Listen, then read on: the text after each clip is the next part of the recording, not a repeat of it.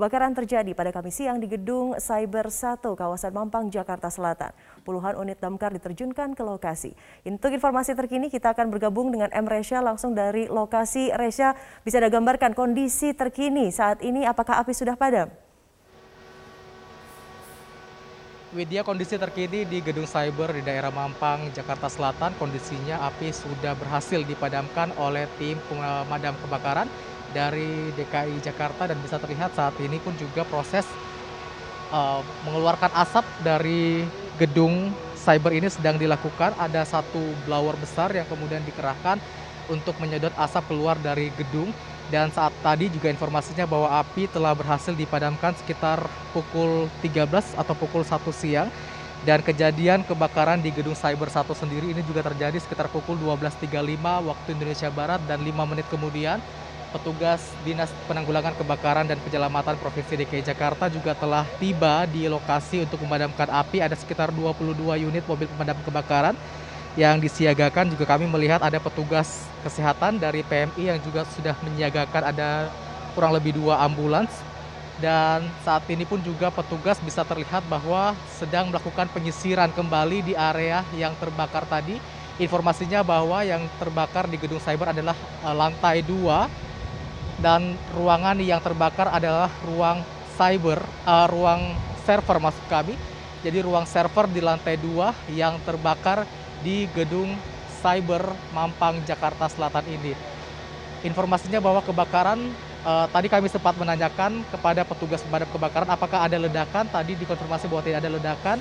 Diduga kebakaran disebabkan karena adanya hubungan arus pendek listrik yang terjadi sehingga menyebabkan dan memicu api di ruang server lantai 2 Kemudian dari informasi yang disampaikan oleh Kasudin Damkar Penanggulangan Kebakaran dan Penyelamatan Jakarta Selatan, Herbert, mengatakan bahwa tadi uh, telah dilakukan evakuasi terhadap tiga orang.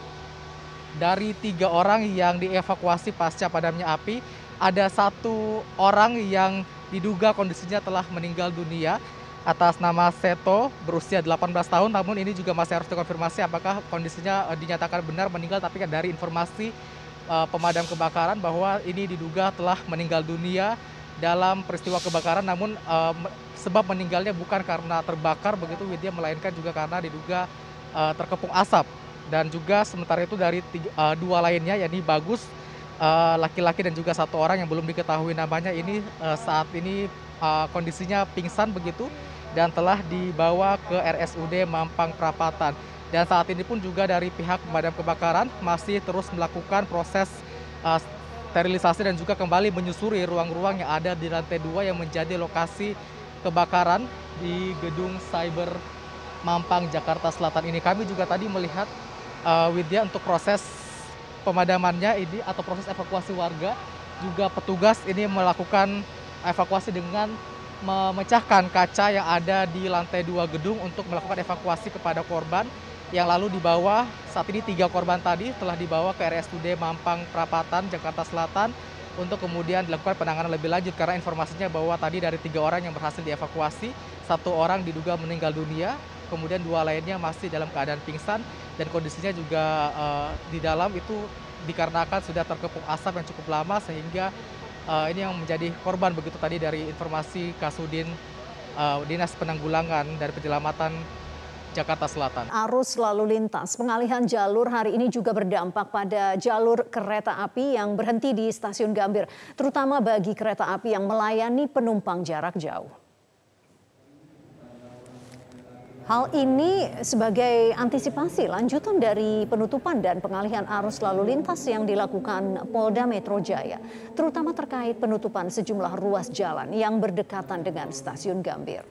Untuk mengantisipasi keterlambatan dan tertinggalnya kereta api, PT KAI Daob 1 Jakarta mengimbau para pengguna jasa kereta api jarak jauh yang akan menuju stasiun Gambir untuk datang lebih awal dan menyesuaikan waktu keberangkatan.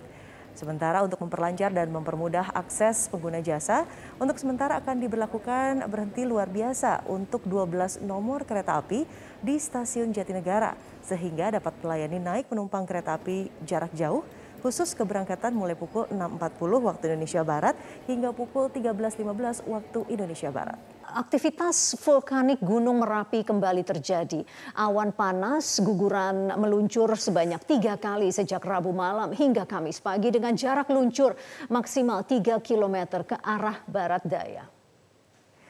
Data dari BPPT KG Yogyakarta sejak Rabu pukul 18.00 waktu Indonesia Barat hingga Kamis pagi tadi pukul 6.00 waktu Indonesia Barat, awan panas guguran terjadi sebanyak tiga kali. Sementara itu sejak pukul 00 hingga pukul 6 waktu Indonesia Barat, aktivitas guguran teramati sebanyak 11 kali dengan jarak luncur maksimal 1000 meter. Aktivitas guguran juga terpantau dari kawasan pemukiman warga di sisi barat Gunung Merapi atau tepatnya di Desa Krinjing, Kecamatan Dukun, Kabupaten Magelang. Ya, hingga kini status Gunung Merapi masih ditetapkan pada level siaga dengan radius aman 5 km dari puncak Gunung Merapi. Pemirsa kita masuk ke segmen viral sepekan karena ramai di media sosial akibat akses jalan yang tidak mendukung. Seorang ibu warga kecamatan Welak, Manggarai Barat, Nusa Tenggara Timur terpaksa melahirkan di jalan desa yang berlumpur. Kita lihat sama-sama pemirsa ini adalah detik-detik perjuangan dua bidan dan beberapa warga saat membantu proses uh, melahirkan seorang ibu bernama Venita Ngedes, warga kampung Baang, Desa Golo Daru, Kecamatan Welak di Manggarai Barat, NTT. Sebelumnya warga dan bahkan ini belasan warga menandu ibu uh, tersebut untuk bisa menuju ke fasilitas kesehatan terdekat. Namun apa daya ibu Malang ini terpaksa harus melahirkan di tengah jalan. Sulitnya akses dan buruknya jalan untuk menuju ke fasilitas kesehatan menjadi kendala petugas medis untuk membawa ibu tersebut ke puskesmas yang berjarak 2 km dari desa. Akibat jalan rusak, ambulans yang dihubungi bidan setempat juga tidak bisa menjangkau lokasi warga yang akan melahirkan. Beruntung, ibu dan anak yang dilahirkan dalam keadaan sehat. Warga berharap pemerintah terkait segera memperbaiki jalan agar kejadian serupa tidak terulang kembali. Apa Ibu Ernesti, eh, ini belum lama terjadi tapi apa yang paling Anda ingat eh, terkait peristiwa hari itu saat Anda menolong Ibu Venita eh, saat akan melahirkan? Apa yang paling membekas di benak Anda?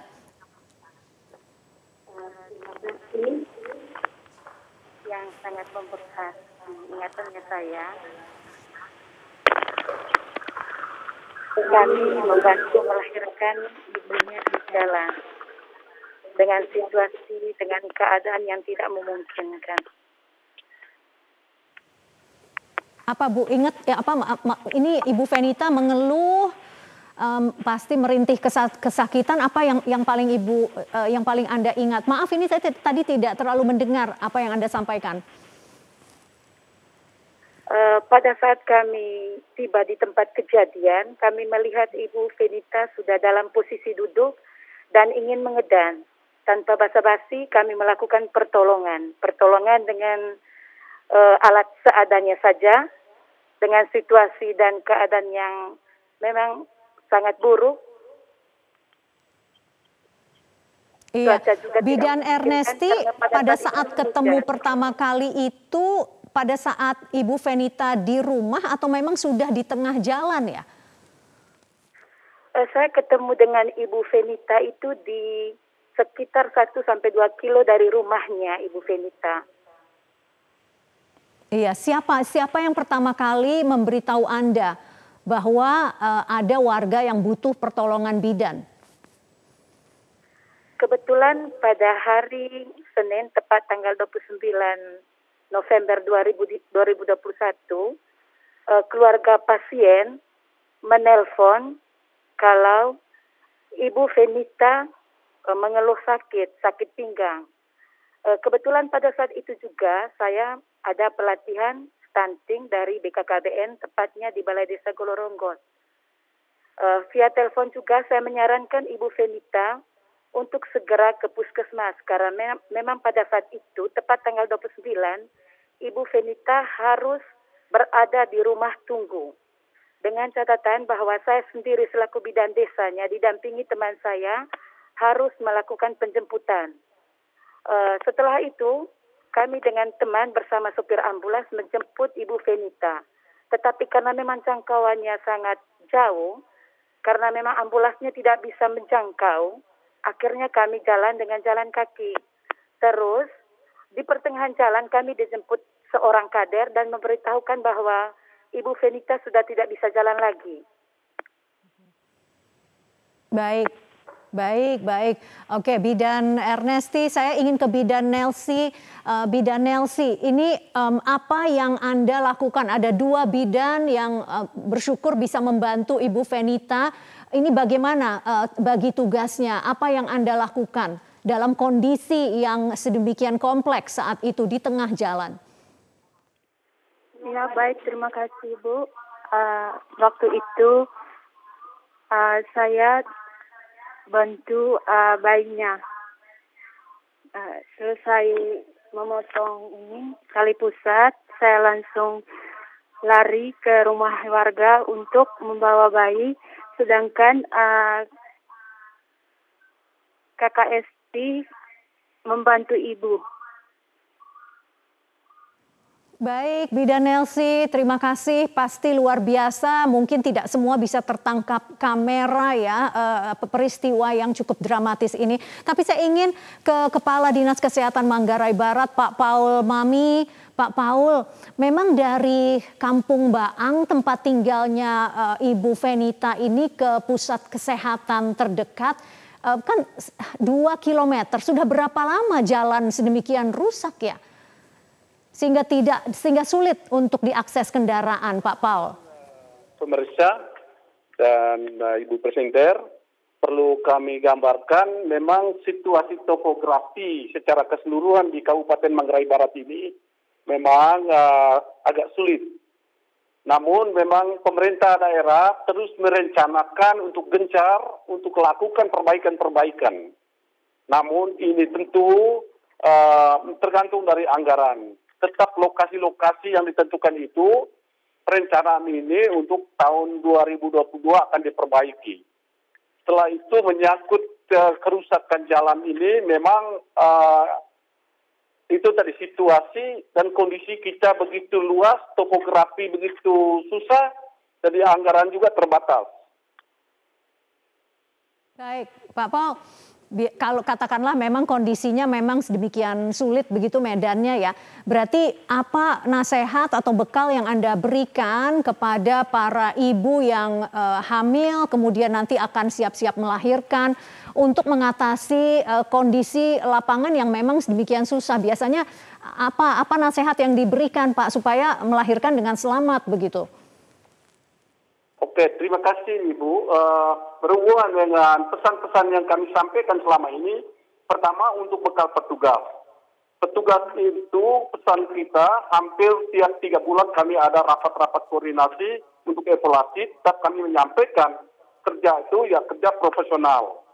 Profesional yang berikut kerja dari hati, kerja itu dari uh, penuh dari uh, penuh siap dan uh, berikut dia harus bersyukur apa yang dia harus buat. Tapi pesan untuk ibu, karena kita pesan untuk ibu ini, uh, pemerintah daerah Kabupaten Manggarai Barat secara keseluruhan telah menyiapkan anggaran untuk ibu.